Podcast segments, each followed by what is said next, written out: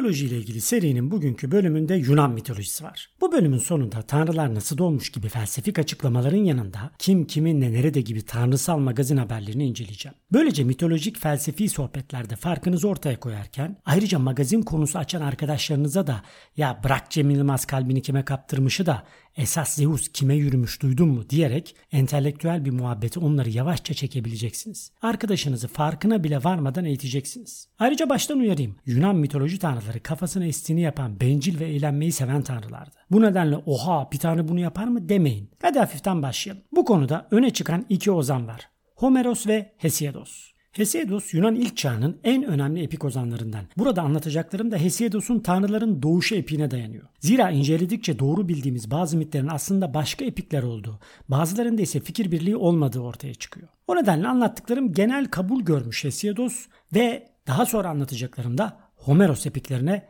yakın olacak. Tanrıların doğuşuyla başlayalım. Kaos denilen başlangıçtaki boşluktan 3 ölümsüz varlık ortaya çıkıyor. Gaia, toprak ana, yeryüzünü simgeliyor. Yeraltı dünyasının en derin, en karanlık bölgesini yöneten Tartaros, yeraltı dünyasının tanrısı bu ve eşsiz Eros, aşkın, şehvetin ve seksin tanrısı. Kanatlı yakışıklı. Kanatlı tasvirleri de var. Bunları zaten kesin görmüşsünüzdür. O bebek olanları demiyorum. Genç, kanatlı ve yakışıklı olanları söylüyorum. Aşk okunu salladığını aşık eden bir tanrı. Eros'la ilgili tek bir söylence yok. Dediğim gibi Hesiodos külliyatından devam edeceğim. Ama arada bir ek bilgi vermem gerek. Daha sonraki mitlerde Eros'un Afrodit ve Ares'in oğlu olduğu da söylenmiş. Neyse devam edeyim. Önce yer, gök ve aşk vardı diyelim oradan gidelim. Bunlar yaratılmıştı. Bunlar kaostan ortaya çıkmıştı. Daha sonra Gaia eşi olmadan Uranos'u doğuruyor. Burada yine bir bakire doğumu var. Uranos gökyüzü baba, yeryüzü ve gökyüzü böylece oluşuyor. Gaia aynı zamanda dağları ve Pontos yani denizi oluşturuyor. Doğ doğuruyor daha doğrusu. Daha sonra Gaia Uranos'la evleniyor. Yer ve gökün birleşmesi. Gaia ile Uranos ilk ölümsüz çocukları üçüz olan yüzer kollu olan devleri dünyaya getiriyorlar. Her devin omuzunda 50'şer tane başı var. Çok güçlü, çok korkunç devler. Ondan sonraki ölümsüz çocukları üçüz kikloplar. Her birinin alnının ortasında sadece bir tane büyük kocaman göz var. Türk mitolojisinde tepe göz olarak biliniyor bu. Kaf Dağı'nda yaşıyor. Bu noktada Yunan mitolojisiyle ciddi benzerlik olduğunu görüyoruz. Kikloplar zanaatçılıkta ustalar ve daha sonra Olimpos dağı üzerinde tanrılar için saraylar inşa ediyorlar. Uranos bu altı çocuğun korkunç gücünden ürküyor, çekiniyor. Ayrıca görüntüleri de çok korkunç. Bu nedenle Uranos bu çocuklarını, kendi çocuklarını sevmiyor. Hatta bunları uzaklaştırmak istiyor. Bunun için bir plan yapıyor ve çocuklarını ellerini kollarını bağlayarak herhalde çok ip ya da zincir gitmiştir burada bunları toprağın derinliklerine fırlatıyor. Her çocuk 9 gün 9 gece boyunca düşüyor. Ancak 10. gün yerin dibine iniyor. Lord of the Rings'de Gandalf'ın yer altına düşüşünü hatırlayın. Oradaki canavarlarla boğuşması, yer altına düşüşü elbette Tolkien'de mitlerden etkilenmiş. Çocukların düştüğü yer Tartaros. Uranos yeryüzünün güneş ışığının uzağındaki bu noktasında yüz kollularla kiklopları adeta hapsediyor. Plan başarıyla sonuçlanıyor. Kendi gücüne yönelik tehlike ortadan kalkıyor. Uranos artık mutlu. O bir tanrı ve sonsuza dek hükmedecek. Ama bir de karısı var. Hatırlayın. Aynı zamanda yaratıcısı Gaia. Kocasının davranışları Gaia'yı öfkelendiriyor. Çocuklar atmak da ne demek? Tamam sevmesi zor çocuklar. Yüz kollu elli kafalı hangi kafasını okşayacaksın okey. Ama sonuçta evlattır yani. İyi de ben yaratayım Uranos Bey çocukları yer altına fırlatsın. Yok öyle. Gaia çocuklarını özlüyor. Onlara yaptıklarından ötürü Uranos'a içten içe kızıyor. Ve tabii bir kadının yapacağı gibi duygularını kalbinin derinliklerine gömerek sessizce intikam alabileceği zamanı bekliyor. Gaia ile Uranos'un diğer ölümsüz çocukları Titanlar var. Bunlar çok korkunç olmadığı için Uranos bunlardan tırsmıyor. O nedenle bu Titanlar ortada gezebiliyorlar. Bu aile çocuklarıyla birlikte Yunan tanrılarının en yaşlı kuşağı. Bu 12 Titan'dan Helios güneş tanrısı. Gök kubbede bir at arabasında güneşi dolaştırıyor. Güneşin batışı, güneşin tekrar doğuşu tamamen Helios'un kafasına göre gezmesine bağlı. Selene ay tanrıçası. Okyanos dünyayı saran ırmağın tanrısı. Aslında okyanus tanrısı. Atlas'ı biliyorsunuz harita tanrısı. Şaka. O zamana kadar doğan titanların en güçlüsü aslında. Dünyanın üzerine düşmemesi için gök kubbeyi tutuyor daha ne yapsın tanrı. Hepsini saymayayım şimdi bir de Kronos'a değineyim. Kronos en küçük olan yumurcak zamanın tanrısı. Kronos annesi gibi yeryüzü tanrıçası olan kız kardeşi Rhea ile evleniyor. Rhea da yeryüzü tanrıçası. Aslında bunlar Titanlar sonrası Yunan tanrılarının ebeveynleri oluyorlar. Dedik ya Gaia plan yapıyor. Gaia Titan çocuklarını Uranos'a karşı intikam aracı olarak kullanmaya karar veriyor. Daha sonra oğullarına giderek çok acımasız olduğu için babanızı cezalandırmanızı istiyorum. Benim ricalarıma erkek kardeşlerinizin yalvarmalarına karşın onları yeraltı zindanlarına hapsetti diyor. Çocuklar başta vay babama bak çok ayıp etmiş diyerek galeyana gelseler de sonra biraz tırsıyorlar. Herhalde Uranos yüz kollu üçüz kardeşlerimizi top gibi toplayıp böyle bağlayıp yer altına sallamışsa bize neler yapmaz diye düşünmüş olmalılar. Oğullarının neredeyse tümü babalarını öldürme işini sallıyor. Atlas herhalde ya ben ne yapayım şimdi yüküm ağır bu dünyayı gök kubbeyi falan kime bırakacağım diyordur.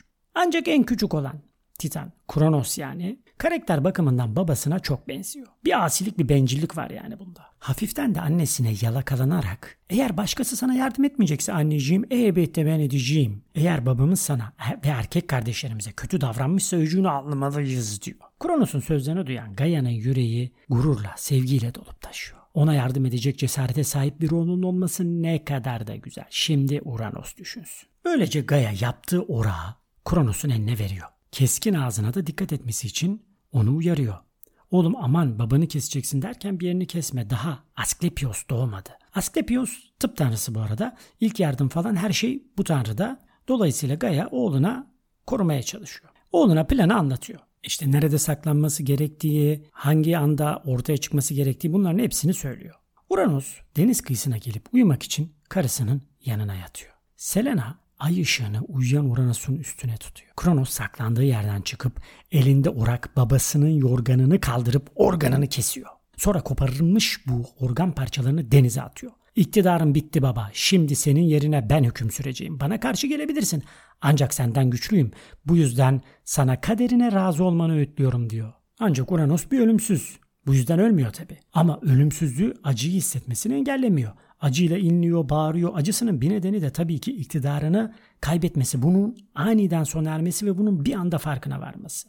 Yani bir şok yaşıyor aslında. Uranus'un ölümsüz şeyinden kopan parçalar denize batıyor ve çevrelerini beyaz bir köpük sarıyor. Zamanla buradan güzellik ve aşk tanrıçası genellikle köpükten doğmuş tanrıç olarak resmedilir hatırlayın. Afrodit doğuyor. Yani Uranus'un ölü organı esasında döllemeye devam ediyor. Bunlar olurken Kronos babasından boşalan gökyüzü tanrılarına kendisini atıyor. Ama o da babası gibi yüz kollulardan ve kikloplardan korkuyor ve Gaia'ya verdiği sözü tutmayarak erkek kardeşlerini Tartaros'ta zindanlarda bırakıyor. Gaia tabii ki ayağı kırıklığına uğruyor ve belki de sıçacağım bu erkeklerin iktidar takıntısına diyor. Bilmiyoruz. Ancak hayal kırıklığına uğramış ve kızgın Gaia çocuklarını kurtarmak için başka bir fırsat kolluyor. Bu arada boş durmuyor tabii ne yapıyor? Kronos'u da rahatsız etmeyi ihmal etmiyor. Aynı zamanda kehanet tanrıçası olduğundan ki buna bugün falcı diyoruz. Zevk içindeki Kronos'a bir gün tıpkı babası gibi çocuklarından birinin onun iktidarını bitireceğini haber veriyor. Kronos çakal. Kaderi kandıracağına inanıyor. Ufuklara bakarak kendi kendine şöyle diyor. Eğer çocuğum olmazsa sonsuza dek hüküm sürebilirim. Zaten çocuk zor iş. Okuluydu, bokuydu, püsürüydü. Ergenleşince ayrı dert. Ergen tanrı zaten hiç çekilmez her tarafa şimşek atar. Herhalde bunları diyor. Ancak kaderi değiştirmek zaman tanrısını bile zorlayabilir. Kronos karısı Rhea'yı seviyor. Yani aktif bir cinsel hayatları da var. Ama tanrılara uygun prezervatif o dönemde üretilmediğinden bir süre sonra sevimli bir kız Hestina doğuyor. Rhea gururla kızını Kronos'a gösterdiğinde kaderinin sesi Kronos'un kafasında çınlıyor. İktidarını kaybetmekten duyduğu büyük korkuyla gözleri kanlanıyor. Bebeğin daha kız mı erkek mi olduğuna bakmadan karısının elinden alıyor ve kocaman ağzını açıp bebeği yutuyor. Evet Kronos kendi çocuğunu yiyor daha da yiyecek. Kronos ile Rhea'nın dört çocuğu daha oluyor. Demeter, Hera, Hades, Poseidon. Her defasında Kronos çocuğu karısından kapıp midesine indiriyor. Kaderi ve kehaneti alt edip tahtını koruyacağını düşünüyor. Bu sırada Ra'nın kalbi acıyla dolup taşıyor. Altıncı çocuğunu doğuracakken Gaia'ya gidip anne lütfen yardım et. Nasıl Uranos yüz kollularla kiklopları senden çaldı, Kronos da çocuklarımızı benden çalıyor. Bu bebeği de çalmasına dayanamayacağım. Ne yapabilirim? Kronos görmeden çocuğu saklayabilir miyiz? Onu nasıl kandırabilirim? diyor. Gaia seni anlıyorum kızım. Seni en iyi ben anlayabilirim. Biliyorum ki nasıl daha önce Kronos babasını tahtından indirmişse onun da oğlu tarafından indirilmesi kaderidir. Şu açık ki doğacak olan çocuğun kaderinde, şimdi doğacak olan çocuğun kaderinde diyor yani babasına karşı intikam almak var. Gaia kızına doğum yapma zamanı geldiğinde Girit adasına gitmesini söylüyor. Orada Dikdista yamaçlarındaki derin gizli mağaraya sığın. Perilerin bebeği keçi sütüyle beslemelerini ve beşiğini bir ağaca asmalarını ben sağlayacağım. Böylece Kronos onu yerde, denizde ya da havada bulamayacak. Genç erkekler yani kuretalar bebeğin bağırışlarını bastırmak için mızraklarını tunç kalkanlarına vurarak beşiğin altında yürüyecekler. Kısacası Gaia bebek doğduktan sonra tüm annelerin okuduğu bebeğinizin ilk yılında sizi neler bekler kitabı gibi bir plan yapıyor. Ama esas mesele Kronos'u nasıl aldatacakları. Gaia bunun basit olacağını düşünüyor. Çünkü Kronos kehanetin korkusundan o kadar çıldırmış ki onu aldatmak için gerekli olan sadece bir kaya diyor. Böylece Rhea Girit'te Diktis Dağı'ndaki mağarada bebeği Zeus'u doğuruyor. Çocuğun bakımını annesi Gaia'ya bırakarak hemen evine dönüyor. Çocukları anneanneye baktırmak o zamandan kalan bir gelenekmiş yani. Neyse hemen kocaman bir tane kaya buluyor. Bunu kondağa sarıyor ve bebekleriymiş gibi Kronos'a veriyor. Her zaman olduğu gibi Kronos ona verdiği kundağı alarak şefkatle kucaklıyor fakat sonra kehanet sözleri kafasında çınlayınca deli ve kanlı bakışı gözlerinde parlıyor ve bebeği yutuyor kayayı yani. Herhalde bu son bebek mideme oturdu diye düşünmüştür. O son bebeği yemeyecekti Kronos. Yıllar geçiyor. Zeus yetişkin bir tanrı oluyor. Kronos bir oğlunun gözünden kaçıp devasa ağzından kurtulduğunu hiçbir zaman fark etmiyor. Kaderinin hızla yaklaşmakta olabileceğini düşünmüyor. İktidarının gücüne güveniyor. İktidarın gücü Kronos'u aslında kör ediyor. Bir gün Kronos susamışken Rhea ona lezzetli bir içki veriyor. Bu içki Kronos'un hoşuna gidiyor. Dolduranın badeleri diyor. Bu sırada içeri genç bir yabancı giriyor. Ve ona elindeki içi dolu kupayı veriyor. Kronos genç adamı daha önce görmediğinin farkına varana kadar içki yutuyor. Kronos diyeti de çıkar yakında. Ne yersek yiyelim kilo almıyoruz. Neyse içtikten sonra kim bu adam diye soruyor. Bana içkiyi neden o verdi? Ya beni zehirlediyse? Neden midem bu kadar tuhaf? Çok mu fazla içtim acaba? İkinci içki birinciden farklı mıydı? Kronos soruları sorarken midesinde dayanılmaz bir acı hissediyor ve Kaya'yı kusuyor. Ardından Poseidon, Hades, Hera, Demeter ve Hestia'yı da kusuyor.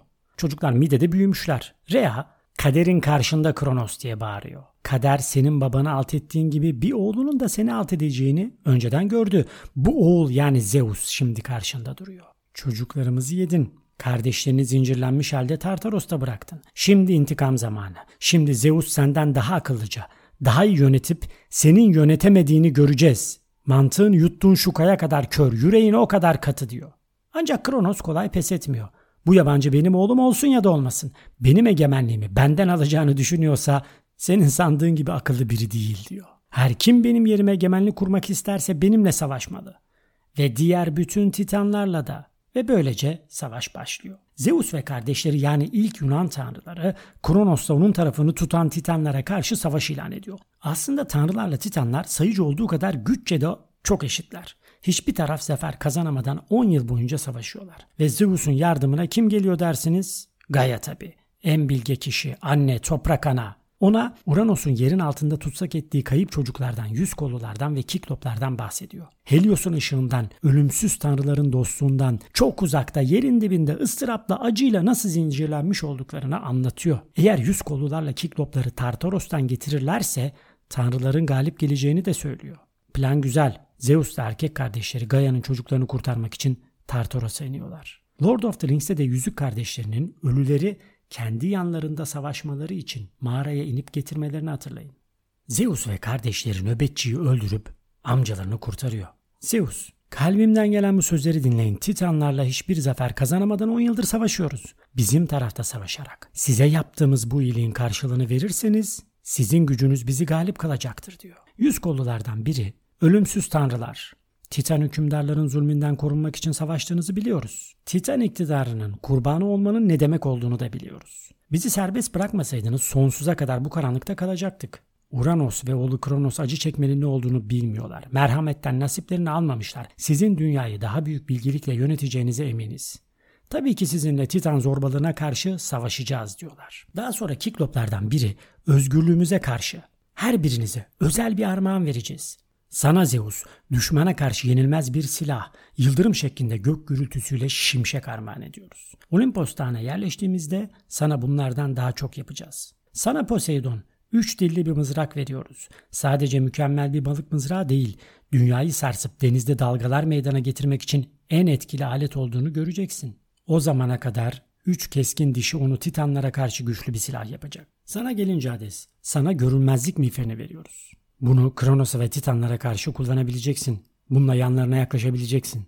Zeus'la amcaları coşku içinde yukarı çıkıyorlar. Yeniden savaşa başlıyorlar. Yüz kollular dağlardan söktükleri yüzlerce büyük kaya parçalarını Titanlara karşı kullanıyor, onları taş yağmuruna tutuyor. Titanlar buna okla mızrakla karşılık veriyorlar ama yeterli değil. Fakat hepsi ölümsüz varlıklar olduklarından savaşçılar birbirlerini öldüremiyorlar. Ancak birbirlerini yaralayabiliyorlar. Savaş sırasında kara ile deniz birbirine giriyor. Depremler oluyor. Savaşın şiddeti Tartaros'tan bile duyuluyor. Sonra Zeus yıldırımını savuruyor. Alev alev ormanlar yanıyor. Fokurdayan deniz havayı kavuruyor. Dünya muazzam yıldırımın gümbürtüsüyle yankılanıyor. Sonunda yüzlerce yara alan titanlar güçten düşüyor. Yüz kollular titanları dünyanın altına Tartaros'a savurmayı başarabiliyorlar. Zincirlerle o kasvetli yere bağlıyorlar. Yüz kollulardan ikisi nefret ettikleri titanların sonsuza dek gardiyanlığını yapmaya gönüllü oluyor. Sonunda tanrılar kazanmış oluyor kısacası. Peki ne oluyor?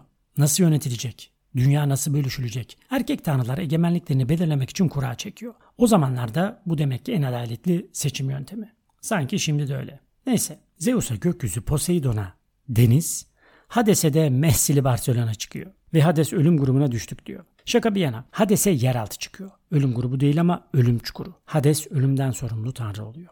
Evet, bugün Yunan tanrılarının kökenlerini inceledik. Nasıl ortaya çıktılar? İktidarlarını nasıl kazandılar? Bu sorulara yanıt verdik. Bir sonraki mitoloji podcast'inde insanlar ve tanrıları anlatmaya başlayacağım. O zamana kadar sağlıcakla kalın.